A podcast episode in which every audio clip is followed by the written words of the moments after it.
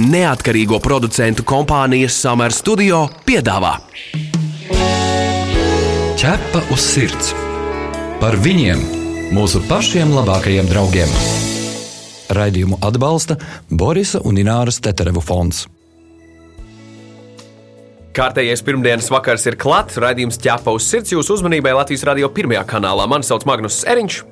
Mani sauc Inese Kreitsberga. Labvakar visiem ķepos sirds klausītājiem. Mēs gana bieži esam runājuši par suņu apmācību, bet uh, Ines, kā tev šķiet, vai cilvēki maz zina, uh, kā izvēlēties savu kinologu un vispār apmācību modeli vai metodi? Jo redz, jā, tas ir labs jautājums, jo manuprāt, ka daudzi cilvēki vispār neuzskata par vajadzību ar suni iet skolā vai viņu apmācīt, bet mēs priecājamies par tiem cilvēkiem, kuri uzskata, kā labi audzināts suns nerodās, tāpat tās vien ar viņu daudz jāstrādā, viņš ir jāmāca. Bet tajā pašā laikā mēs arī saprotam cilvēkus, kuriem, piemēram, ja ir pirmais suns, viņi īsti nezina, kādu suņu skolu izvēlēties un kādu īstenībā speciālistu izvēlēties. Tas tiesa, un uh, vēl viens jautājums tajā visā uh, lielajā jautājuma gūzmā ir šāds. Vai ar suni var nodarboties individuālā nodarbībā vai kopā ar citiem suņiem? Kā tad ir labāk? Un šodien mēs diskutēsim ar viesiem. Mums studijā šodien ir divi viesi. Kinologs Valdis Reinbergs, labdien, Valdi! Labdien! Un certificēta suņu uzvedības speciāliste, suņu un saimnieku apmācības trenere Līga Zvirgzdiņa Grebina. Sveiki, Līga! Sveiki, sveiki! Kā jūs paši sevi dēvējat, ja klienti jautā par jūsu izglītību un pieredzi? Kas jūs esat kinologi, suņu uzvedības speciālisti? Varbūt sāksim ar Līgu. Es eh, stāstu parasti un saku, pēc tā arī, ko es esmu mācījusies, kāda ir mana izglītība, ka es esmu uh, certificēts tātad suņu uzdības speciālists, jo esmu padziļināti mācījusies uh, gan Latvijā, gan arī Anglijā divās izglītībās un Norvēģijā tieši suņu uzvedību. Un pat cik es strādāju, protams, kā ar suņiem un uh, suņu saimniekiem, tad uh, pie reizes līdz ar to es arī esmu suņu un saimnieku treneris, jo mācās jau galvenokārt īstenībā saimnieki saprast savus suņus, un tad viņi arī māca tālāk tos savus suņus un mēģina ar viņiem arī veiksmīgi sadarboties ikdienā. Valdi? Jā. Kā jūs sevi piesakāt, nu, piemēram, ja klienti interesējas? Kā kinologs, un es palīdzu cilvēkiem saprast savu suni saprast savu sunu, atrisināt kaut kādas problēmas, kuras sāk rasties. Nu, pārsvarā pie maniem griežās jau suņiem tie, kas ir pieauguši suņi, un cilvēki palaiduši tos momentus, kad sākās, kad sāk problēma rasties, viņi palaiduši to garām un griežās tad, kad jau problēma ir tāda, ka nu, viņi ir nepatīkama. Vai nu suņu saimniekiem, vai arī suņu saimniekam un apkārtējiem. Sakiet, kādas ir jūsu e, darbības metodes darbā ar, ar, ar suņiem un suņu saimniekiem? Tā konceptuāli vienmēr saku, tā tad pret suni ētiska un uz motivāciju balstīta apmācība. To varētu arī saukt par pozitīvu apmācību. Jā, jā. Tāds, tāds ir termins. Jā, tāds termins ir, bet uh, es jā, par to pozitīvu arī dažādi treneri izmanto šo te it kā terminu un uh, Tad, kad uh, sākas kaut kādas uh, sunim uzvedības problēmas, tur tā pieeja vairs nav tik pozitīva. Tāpēc es no šī vārda jebkurā gadījumā izvairos un es saku vēl tā kā specifiskāk, tātad tiešām jebkurā situācijā, jo es esmu arī specializējusies tieši uz agresīvu un bailīgu suņu apmācību un šīm eh, problēmu uzvedībām, un arī tur visu var panākt tiešām saprotot suņu dabiskās pamat vajadzības un ētiski uz motivāciju balstīti eh, strādājot ar suni, tāpēc es pieturos pie šiem diviem terminiem. Valdi, pastāstiet par savām metodēm darbā. Ir tā, ka suni vajag ieinteresēt, jā, jo mums jāsaprot to, ka mēs suni paņemam pie sevis mājās.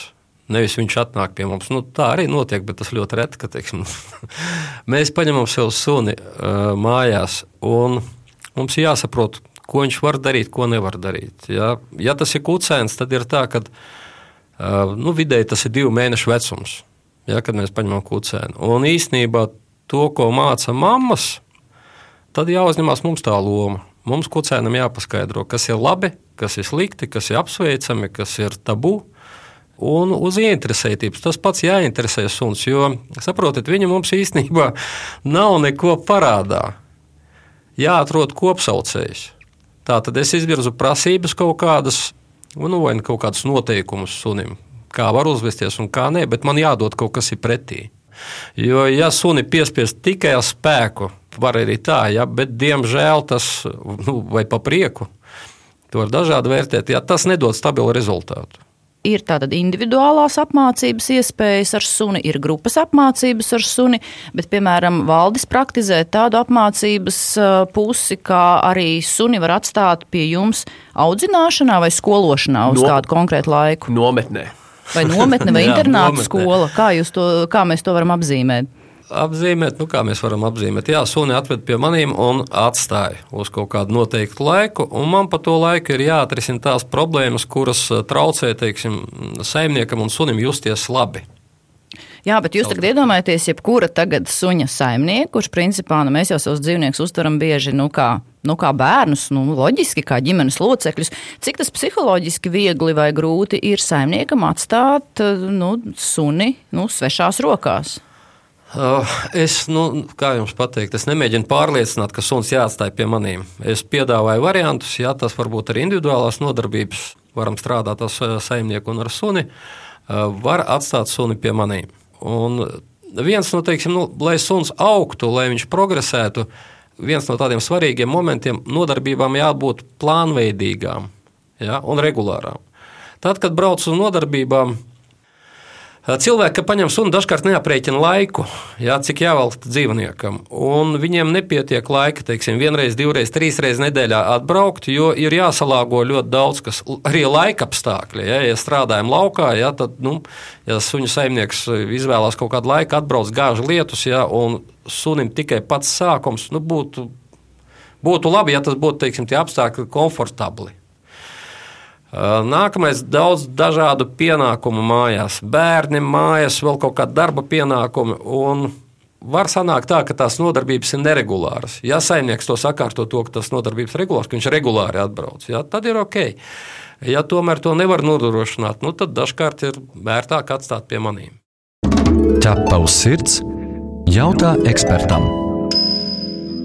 Bet Jā. kā notiek tā apmācība, ja suns tiek atstāts uz laiku pie jums? Kā tas notiek? Es atvados no suņa, pamāju ar lakatiņu un dodos prom, ja es apciemoju. Kā, kas Nē, notiek? Ir vēlams apciemot, jo ir tā, ka saprotiet, ja suns tomēr nonāca pie maniem, acīm redzot, saimniekiem nu, nepietika kaut kādu zināšanu, mācīšanas resursu. Ja? Nu, lai to problēmu atrisinātu bez manas palīdzības. Un vēlams tomēr braukt ciemos. Nu, ja vienreiz nedēļā brauc, ir ļoti labi. Suns pie maniem es mainu viņam uzvedības modeli, vai salieku kaut kādas tādas nu, programmiņas, tā varētu noteikt, kā sunim rīkoties, kā uzvesties un kas viņam kā, kādā situācijā jādara. Un tad, kad saimnieks brauc ciemos pie suņa, viņš mācās gan to, kā suns uzvedās, jo suns, suņa uzvedība mainās, gan es viņam paskaidroju, kā to panākt. Un, ja sunim teiksim, nu, iz, izlec kaut kāda kļūdiņa ārā, es parādu, kā to izlabot, un tad arī saimnieks vienlaicīgi mācās. Nu, un tad gala rezultāts ir pozitīvs. To, ko es arī novēroju, ka lielākā daļā cilvēku meklē treneru palīdzību, ja ir runa par nevēlamas uzvedības mm -hmm. pārtraukšanu. Grauž, uzbrūk vai mm -hmm. demolē vai, vai nedara, kā principā saimnieks vēlās. Un tad man ir jautājums, piemēram, joprojām ir ļoti daudzi stereotipi, ka, piemēram, suns atstājas peļķīti, tad tur jāiebāž suņa purns. Ir tādi gudrinieki, kas kaķi arī tādā veidā soda. Citi, piemēram, sit sunim ar avīzi. Cik bieži cilvēki mūsdienās šādas metodes pielieto un ko par nu, suņa sodīšanu? Darīšanu sakat jūs? Te man ir salīdzinājums arī, ko es vienmēr ņemu. Tas laikam tā, man liekas, daudziem cilvēkiem ir iegājis vienkārši no kaut kādām uh, vecajiem, tad mēs laikam augam, tā, mēs esam tādi, nezinu, tad mēs augam ar tām zināšanām. Un agrāk jau arī, nu, ko salīdzinājuma Noma stāstīja, viņa skolā arī ar lineālu sita mācot. Ja? Nu, šobrīd bērnus nesitu, viņi neaug stulbi. Līdz ar to tas ir vienkārši maldīgs priekšstats, un tā, es teiktu, ir cilvēku pašu emociju nesavaldība. Es nezinu, kā tikt ar to situāciju galā, nu tad es sitīšu vai bāzīšu tev kaut kur vai bļaušu tev virsū, bet tas rezultātu nedod. Mēs ieliekam sunī vēl lielāku stresu. Un viņš tā arī nav iegūmis nekādu mācību tajā procesā. Savukārt, ja mēs sunim rādām vēlamo, tā, tad tas ir tajā pozitīvajā apmācībā. Ja mēs rādām vēlamo uzvedību konkrētajā situācijā, par to viņu arī apbalvojam, tad suns gribēs atkal un atkal šīs uzvedības atkārtot. Tas ir uzmanības beidzot pārslēgšana. ir situācijas, kur mēs pārslēdzam suņu uzvedību, bet ir vienkārši situācijas, kur mēs vienkārši parādām, kā citādāk rīkoties. Nu, piemēram, ja suns paķer kaut kādu to zeķi, ja, un mēs tad iemainām pirmkārt, nevis apzogam un uzbrukam sunim un atņemam, ja, jo sunim dabiski pēc vienkārši suņa dabas ir sargāt kaut kādu medījumu, ko viņš ir atradis, ja tāpēc mēs iemainām un mēs dodam to, ko tu drīksti graust, un jo mēs vienmēr mierīgāk iemainīsim tās lietas, vai arī, ja suns kaut ko dara um, nevēlamu vai grauž, atkal iemainīsim pret kaut ko, ko viņš drīkst, tad viņš jau nedarīs beigu beigās vairs to nevēlamo, viņš automātiski ies uz to vēlamo, jo suns atkārto darbības, kas viņam izdodas. Un tas ir tas galvenais, kas ir vienmēr jāatcerās jebkuram uh, suņa saimniekam. Tad, kad suns nonāk pie mums mājās, tad uh, viņa bars tā ir mūsu ģimene, nu, tur, kur viņš dzīvo. Un mums, saimniekiem, jāuzņemās vadoņa loma. Jo, ja mēs to nedarām, tad suns uzņemsies uz sevis. Tā tad stipri raksturā un tendence uz dominēšanu. Suņi var pat sākt rādīt zobus mums ar laiku. Tie, kas vājāki, kā izpaužās, teiksim, to, ka viņi neatzīst mūs kā līderus, viņi neklausa mūs. Mēs saucam viņu, teiksim, viņš nenāk klāt. Viņš velk pavadiņu un sanāk, ka nevis mēs viņu vedam pastaigā, bet viņš mūs. Un, un, un, Ja cilvēks to saprot, kad viņam jāuzņemās līdera loma, tad ir ok. Un tagad nākamais. Kā panākt to līdera lomu nostiprināšanu? Ar sodīšanu ir tā, ka uh, ar agresiju mēs panākam tikai agresiju vai bailes. Nu, principā tas viens un tas pats praktiski. Uh, Līga ļoti pareizi pateica, ka uh, parādīt to, ko es no suņa gribu. Jā, viņš teiksim, kaut ko dara, nē, es rādīšu kaut ko, bet es vēlos, lai tu tā uzvedies. Un, ja mēs atrodam to kompromisu, nevis kompromisu, bet mākam paskaidrot sunim, viņš noteikti atbalstīs to pozitīvo. Ja es, piemēram, savu suni pie jums atstāju uz mēnesi, es taču nezinu, ko jūs tur darat. Ja nu jūs viņu iekaustat, ja viņš neklausa, kā es to varu zināt? To var redzēt uzreiz. Pēc kā? Nu, iedomājieties, jūs atstājat suni pie maniem, jūs pēc mēneša atbraucat, nu, labi, ne pēc mēneša, pēc pāris nedēļām atbraucat ciemos. Suns uzreiz suņi nemelo. Viņš ar savu rīcību, uzvedību uzreiz parādīs. Ja es viņam būšu darījis pāri, suns slēpsies aiz saimnieka. Viņš nenāks pie maniem klāt. Tas ir ļoti vienkārši. Izstāstiet cilvēkam saprotamā valodā, kādā veidā atrast to vispiemērotāko apmācību sunim. Individuālā vai grupas nodarbība? Kā būs labāk? Manuprāt, pirmkārt arī ir svarīgi saprast, uh, paša saimnieka vēlmes un arī suni. Ja? Un uh, es, piemēram, arī tāpēc uh, parasti. Tad, kad man piesakās cilvēks, es uh, bišķiņi ievācu informāciju, kāds saimnieks, kāds suns, ja ir kāda ir situācija, lai es saprotu, kas būtu viņam tas piemērotākais risinājums. Plus, vēl, ja mēs, piemēram, vienojamies par grupu, uh, Tad pirmajā grupas nodarbībā es arī uzreiz paskatos, kā suņi jūtās. Ja suns tur nebūs uzreiz gatavs, ja, tā, tad, ja viņš ir pārāk bailīgs, stresains, tad, protams, tas nebūs viņam piemērotākais risinājums uzreiz. Mēs sāksim bišķiņu padarboties individuāli, un tad, kad suns būs gatavs, mēs iesim uz to grupas nodarbību. Bet jā, tas ir tīri arī nu, atkarīgs no, no pašiem saimniekiem, kādas arī ir viņiem opcijas, protams. Um, jo tas arī, protams, kad ir um, nu, attiecās uz, uz samaksu grupas nodarbības, protams, ka vienmēr sanāk izdevīgākas saimniekiem, tāpēc viņi vairāk grib uz tām grupas nodarbībām. Bet vai tiešām?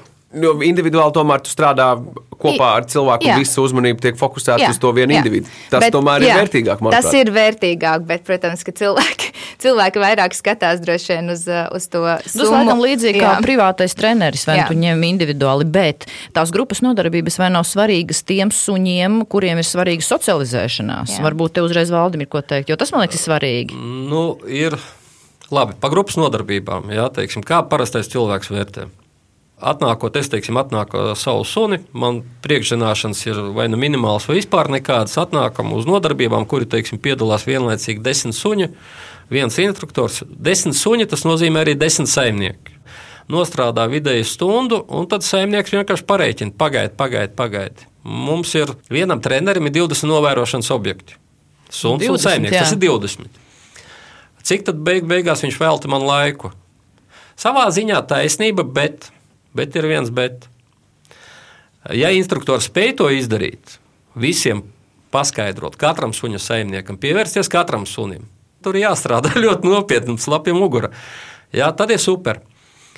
Vēl kas grupas nodarbībās, tur tiešām ir ļoti labi, kas tās ir kolektīvs. Tur ir cilvēki, citi suņu saimnieki, citi suņi, un suns mācās uzvesties kolektīvā. Vieglāk ir strādāt individuāli. Viņi paši varbūt tās nejūtās komfortabli grupā. Viņiem uh, laiks neatbilst grupām, ja tad, kad ir tās grupu nodarbības. Es teiktu, ka individuāli īstenībā arī ir ļoti labs risinājums, jo individuāli mēs varam pirmkārt visu laiku mainīt lokācijas, mēs varam meklēt uh, klusākas vietas, vairāk skaļas vietas ar suņiem, bez suņiem, ar cilvēkiem, bez cilvēkiem. Ja? Individuāli tā ir tā priekšrocība. Mēs reāli varam piemeklēt visatbilstošāko variantu katrā nodarbībā, kaut vai citu. Ja? Grupas nodarbība pārsvarā jau, ok, ar grupas nodarbību mēs arī varam miksēt vietas, bet katreiz teikt, teiktu, ka ir savi plusi, savi mīnusi. Individuāli mēs arī ātrāk varbūt progresēsim, kamēr grupā ir tomēr jāmēģina noturēt viss tas grupas līmenis. Ja? Tad uh, varbūt kaut kur bišķiņā ātrāk paiet uz priekšu, kaut kur bišķiņā iekavējās. Tas ir tīri pēc tām sajūtām pašam cilvēkam jā, jāskatās. Atgādinām, ka pie mums šodien studijā ir suņu uzvedības eksperti, teiksim tā, Valdis Reinbergs un Līga Zvirgzdiņa Grebina, un mēs runājam par to, kā atrast labāko treneri savam sunim. Šo radio pārraidi varat dzirdēt arī podkāstu formā vispopulārākajās straumēšanas vietnēs, kā arī Latvijas radio arhīvā. To meklējiet Latvijas radio mājaslapā. Ķepa uz sirds, suņu būda. Tas, kas man liekas ļoti aktuāli, ka šobrīd ir tie saucamie pandēmijas laika suņi, kas ir paņemti tātad pandēmijas laikā. Cilvēki ir izdomājuši, ka tas ir īstais brīdis, lai paņemtu dzīvnieku. Un sanāk tā, ka tas suns ir ļoti maz socializēts. Kāds izpaužās, ka viņam bail no citiem cilvēkiem, viņš kvankšķ visu laiku, iezīmē teritoriju. Vai jūs arī esat novērojuši tādu tendenci, kas ir tie suņi, liela auguma, maza auguma un kā vislabāk risināt šo problēmu? Es teiktu, ka lielākā problēma varētu būt šobrīd arī ne tik varbūt daudz tā socializācija, kas arī, protams, parādās diezgan izteiksmīgi, bet arī par to, ka uh, ir jāsāk sunim arī mācīt palikt vienam mājās, un šobrīd pandēmijas laikā diezgan visi visu laiku ir ar tiem suņiem. Un, uh, tas var kaut kādas uh, problēmas pēc tam radīt, kad uh, cilvēkiem būs jāatgriežas kaut kur darbos vai kaut kur jāaizbrauc un suns jāatstāj mājās. Kā ar to tikt galā? Kāds jūsu kā eksperta piedāvājums būtu risināt šo problēmu? Mm -hmm. Galvenais ir tāds pakāpeniskums. Visu mēs mācām pakāpeniski, gan šajā ziņā, gan arī vispār sunim. Ja? Tātad mēs nemēģinām uzreiz prasīt no suņa, lai viņš paliek entās stundas viens pats, ja mēs radinām ļoti pakāpeniski. Pirmkārt, tad atkal pirms atstāšanas viņu vienu nodrošinām visu, kas ir nepieciešams. Tātad pastaiga, pārišana, nokārtošanās, ja, mentālās aktivitātes, fiziskās aktivitātes, lai suns būtu pilnvērtīgi iegūst visas tās savas pamatabiskās vajadzības, lai viņš jūtas komfortabli savā ķermenī un lai viņš ir salīdzinoši emocionāli līdz ar to mierīgs. Un tad mēs varam sākt strādāt uz pakāpenisku pieredināšanu. Sākumā, kamēr mēs esam mājās, mēs tātad suni varam kādā blakus istabā ielikt, ja, un pakāpeniski tad sākt kaut vai, ja ir trakākie gadījumi, tad sākt kaut vai tiešām ar piecām minūtēm, un suns mūs redz, bet ir citā istabā, nu, nezinu, ieliekam kaut kādu vai nu baby geitu, kā es saku, vai kaut ko, lai suns saprot, ka viņam nav opcijas visu laiku būt pilnībā pie mums piespiedušam, bet ka viņi ir dažādās istabās. Tātad saimnieks vienā istabā, suns citā istabā. Tad, kad suns jūtas komfortabli ar to, tad mēs sākam vērt durvis ciet, tad mēs panākam, ka suns arī tādā situācijā jūtas labi. Un tad jau mēs varam trenēt arī to, ka mēs pa bišķiņam ejam prom, jo suns jau arī mācās pēc asociācijām, un viņš iemācās visas tās lietas mazās, ko mēs darām, kas liecina par to, ka mēs aiziesim. Piemēram, ka mēs sākam ģērbties, sunim jau jau rodas stress, jo viņš zina, ka mēs aiziesim projām. Tāpēc arī paralēli ir jāstrādā uz šiem mazajiem asociāciju maiņām, lai mēs pieredzinātu, ka nevienmēr tas nozīmē, ka es eju prom un tev par to nav jāstreso. Pa šiem pēdējiem diviem gadiem suņi ir, teiksim, nu, pēc man, man novērojuma, ir nervozāki, bet tas ir uh, dēļ mums pašiem. Viņi mūs kopē. Ja mēs gribam zināt, kas mums notiek teiksim, ģimenē, vai ja pašu cilvēku, no to cilvēku, jā, apstāmies uz viņu suni, un principā tas ir rīktīgs spogulis. Jā, mēs paši esam nervozāki, mēs paši esam satrauktāki, jā, un, un, un tas uzreiz viss atspoguļo. Tas īstenībā daudz ātrāk atspoguļojas uz suņa nekā uz teiksim, līdz cilvēkiem, ar ko kopā dzīvojam. Tu esi mans draugs, ķepus sirds. Ir izplatīta arī problēma, mm, ja suns uzrūc virsū saimniekam maltītes laikā, vai, piemēram, atsakoties izpildīt kādu darbību. Viņš rūc, saimnieks sabīstās un laikam sunim vara rokā. Ir. Kā jūs komentējat šādas situācijas un kāda būtu tā pareizā rīcība tajā brīdī? Jā. Nu jā, tā tad šeit arī ir ļoti svarīgi apzināties, ka sunim dabiski ir nomedīt un sargāt savas nomedītās lietas. Tāpēc jau no sākta gala mums ir jāveido šo pareizo asociāciju sunim ar to, ka tas, ka tev ir kaut kas, vai nu manta vai ēdiens, nenozīmē, ka kāds tev viņu atņems. Un problēma, šī rūkšanas problēma rodas bieži vien tādēļ, ka, diemžēl, saimnieki jau no paša sākta gala ir tīpaši kucēnam, kurš iepazīst visu caur muti un mēģina visu ņemt. Ja mēs uzreiz sabīstamies un mēs skrienam viņiem virsū, krītam virsū, raujam ārā. Un emocionālākas dabas suņi saprot, ok, nu tajās situācijās tātad man jāsāk sevi aizstāvēt. Un, tāpēc arī sāk ar vien izteiksmīgāk parādīties. Sākumā jau suns uzreiz nerūc. Viņš komunicē tātad ar šiem nomierinošiem signāliem, pēc tam viņš rāda stresa signālus. Cilvēks nesaprot, un viņš turpina brukt sunim virsū, līdz suns vienkārši saprot, man nav citu opciju, kā rūkt. Bet rūkšana ir šis distances palielinošais signāls. Viņš saka, lūdzu, nu jā, lūdzu, suns rūc, ko man jā, darīt? Lūdzu, lūdzu, atkāpies. Te atkal līdz ar to, tāpēc mums ir jāsaprot šīs robežas arī suņu. Ja? Mums ir jāsāk pakāpeniski radināt, kā mana roka dod, nevis ņem nost. Un tā ir mūsu tātad attieksme arī. Mēs nevaram turpināt brukt sunim virsū. Mums ir jāmāca viss caur iemainīšanu, caur to, ka suns jūtas komfortabli ar mani. Ja suns rūc man virsū, tas nozīmē, ka viņš nejūtās ar mani komfortabli kā saimnieku. Te ir jāsāk strādāt uz savstarpējām suns saimnieks attiecībām, lai veidotu uzticamas, drošas attiecības, lai suns justos droši ar saimnieku. Es, saku, es vienmēr uzsveru to, ka suns ir vilkveidīga būtne. Un, ja es esmu līderis un mana rīcība ir adekvāta, secīga, tad uh, suns man ļaus aiztikt viņa bļodu. Teiksim, nu, pat tiem suņiem, kas nonāk pie manis, salīdzinoši bieži ir tā, ka nav noskaidrotas attiecības, un līdera loma ir uzņēmis suns uz sevi, nevis saimnieks. Nu, katrā gadījumā mēs, protams, neaicināsim, neskolosim ar radio starpniecību, bet šāda problēma ir, bet viņa diezgan viegli risinām, to es saprotu. Jā, nonākot pie speciālista. Tas, jā, individuāli diezgan, jā, teiksim, vienam sunim ātrāk, vienam lēnāk, jā, bet, eh, ja tas ieildzis ir, teiksim, ja sunim divi, trīs, četri gadi, un tas turpinās, teiksim, jau no kaut kāda septiņu, astoņu mēnešu vecuma, jā, un tas nav risināts un nav atrisināts, tad iespējams, ka vajadzīgs lielāks laiks joprojām daudz cilvēku uzskata, ka nu, vairāk vai mazāk visi suņi ir vienādi. Nu, tad baigi skatās, jā, izdomāju, ka ņemšu suni, bet nu, pēc izskata, vai ne? Lielisks lēmums, tā noteikti nedariet. Vai jūs varat izstāstīt par suņu šķirnēm, kuru audzināšana ir sarežģītāka nekā citiem suņiem? Vai ir tāds top 10 ar šķirnēm, kuras noteikti nevajadzētu būt kā pirmajam sunim ģimenē? Kaut vai top 3. Nu, vai arī top 3. Jā. Nē, es, es teiktu, pirmkārt, ir ļoti svarīgi tāpēc tiešām skatīties pēc vispārībā šķirnes standarta, kāda ir konkrētā šķirne un vai viņa ir man piemērota, jo tas arī ietekmēs to, vai es varu ar šo suni sadarboties vai nē. Jo, ja pilnībā suņa raksturs ir pilnīgi pretējs, nu tā tad, un, un, un, un aktivitātes līmenis pilnīgi pretējs manam aktivitātes līmenim un spējām vispār sadarboties, un loģiski, ka tad tur viss aizies auzās. Bet, um, Nu, tā tad es teiktu, ka tāpēc ir jāskatās, cik, piemēram, mierīgs esmu cilvēks. Es tad es ņemu mierīgāku šķirni, jo ar aktīvu šķirni tad man vienkārši būs ļoti grūti strādāt. Attiecīgi, kā pirmo suni noteikti es neteiktu ņemt uh, sargsuņus, kas ir pēc nu, kategorijas, ja, jo viņi iedalās dažādos. Mastifi, um, ir aziāti, aziāti jā, uh, jo, jo viņi tā tad viņi tiešām ir, uh, nu, viņi pilda savu darba pienākumu kaut kādā situācijās, līdz ar to mums ir jāspēj ar viņiem viņiem labi sadarboties un zināt, kā arī kaut kādās situācijās rīkoties tajos brīžos, kad viņam šķiet, ka saimniekam, piemēram, nāk kāds klāt, lai viņam darītu pāri, ja, un viņš gribēs aizstāvēties. Jo nu, pilsētā, piemēram, dzīvojot, mums nevajadzētu, lai katru brīdi aziāts iet priekšā un sargā savu saimnieku. Ja. Nu, man ir savs viedoklis, viņš gan atšķirās nedaudz.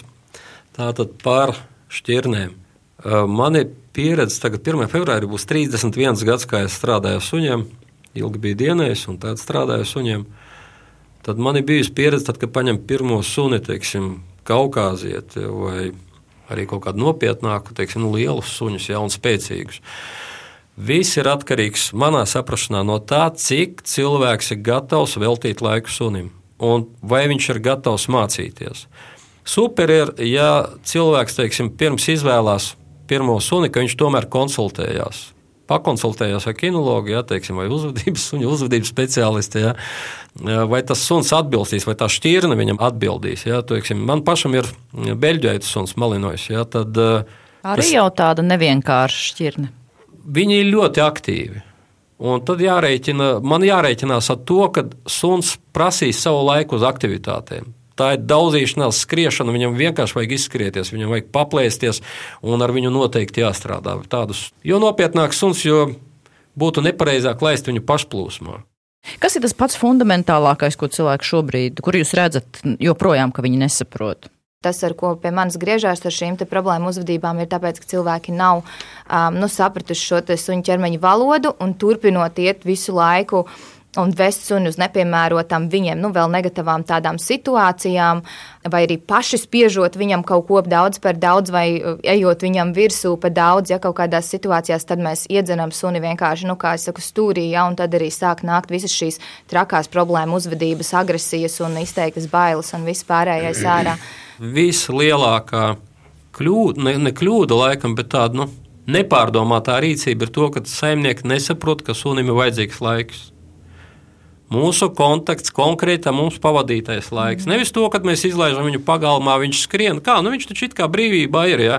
Nu kā, tas izgāja reku paklaudīju. Viņu, es viņam iedodu kontakts ar saimnieku, jā, tiešais. Jā, tas saimniekiem jāsaprot to, ka ar viņiem ir jāpavada laiks. Es saku, tas ir suns ir bara dzīvnieks. Plēsējs bara dzīvnieks, kuram ir nepieciešama komunikācija ar citiem. Ja viņam nav citu suņu, tad viņš gribēs komunicēt ar mums, ar kādu no ģimenes locekļiem. Nu, principā, ar, nu, pa lielam jau viņā visiem grib no ģimenes komunicēt. Pagaidām, tas sanāk, ko saimnieki pārāk maz velta sunim laiku? Viņi neaprēķina, viņi nesaprot, ka tas prasīs pietiekami daudz laika. Ja, teiksim, dzīvo dzīvoklī, tad no rīta viņš jāizved, vakarā jāizved, pusdienas laikā jāizved. Ja tas ir kucēns paņemts dzīvoklī, tad viņu jā, jāved daudz vairāk, mm. biežāk ārā. Ja, un vēlams tad kucēnu ņemt uz atvaļinājumu laiku. Jā, mēs gribam atpūsties atvaļinājumā, bet ja mēs teiksim, gribam paņemt suni un lai kaut kādas lietas sakārtojas pēc iespējas ātrāk, nu, tad es kucēnu ieteiktu ņemt uz atvaļinājumu laiku, noveltiet to vienu mēnesi, tas sākuma periods, ja, un tas atpirksies jums uz visu suņu mūžu. Bet te jau jautājums, ka nevis pavadīt vienkārši kopā laiku, bet pareizi pavadīt. Jo, pareizi, ja, piemēram, jā. suns ar mani guļ gultā pa nakti, tad jau mēs esam kopā 8 stundas naktī, bet tas jau neskaitās. Kāpēc arī tas arī skaitās? skaitās? Nu, daļai to varētu pieskaitīt. Jo... Labākā nekas. jā, nu. bet... Nu, var ar otru cilvēku gulēt blakus, bet nerunāt, ja, un uh, uzskatīt, ka astoņas stundas ir pavadītas kopā. Bet, ja tu komunicē, kaut ko dari kopā un kaut kādas kopējas intereses, tā ir pavisam cita kvalitāte. Nu, ko esam sarunājuši gana daudz, bet nu, kāds secinājums Magnus no šī visa? Daudz jāmācās, ir jāuzticas speciālistiem, un katrs, viens, kas klausījās to, par ko mēs runājām, es ceru, ka pieņems pareizos lēmumus un nebūs uh, nenovīdīgs vai, vai tāds virspusējs pret savu mīluli, ar kuru vajag sadzīvot un jādara viss iespējamais, lai viņš nesagādā problēmas mums un mēs nesagādājam problēmas viņam. Nu, es teiktu arī, ka jāmeklē savus trenerus. Tā kā mēs meklējam savu ģimenes ārstu, savu speciālistu, ir jājūtas klikšķis tā īpašā saikne, ka jūs saprotaties, un ja jūs nesaprotaties ar savu suņu treneri, meklējiet citu. Visur kopā - ķepus sirds! Gribējām pateikt paldies mūsu viesiem, kinologam Valdim Reinbergam. Un arī certificētajai suņu uzvedības speciālistei, suņu un saimnieku apmācības trenerei Līgai Zvirgzniņai Grebinai. Paldies par piedalīšanos raidījumā! Jā, Magnus, bet ko mēs dzirdēsim nākamajā raidījumā? Nākamajā raidījumā runāsim par mūsu seno problēmu suņu riešanu. Nepārtrauktā riešana, kas kaitina gan, gan saimniekus, gan kaimiņus. Kāpēc suņi rei, kā tikt galā ar suņu nepārtraukto riešanu un kā saimnieks pašam neapzinoties, iespējams atbalsta mīluļu nepareizu uzvedību? Jā, bet tas viss jau pēc nedēļas. Bet šajā raidījumā tas ir arī viss. Mani sauc Inese Kreitsberga. Mani sauc Magnus Eriņš. Raidījumu veidoja neatkarīgo producentu kompānija Summer Studio. Visu labu! Atā! Ķepa uz sirds! Informatīvi izglītojoši raidījums par dzīvnieku pasauli un cilvēkiem tajā. Raidījumu atbalsta Borisa un Ināras Teterevu fonds.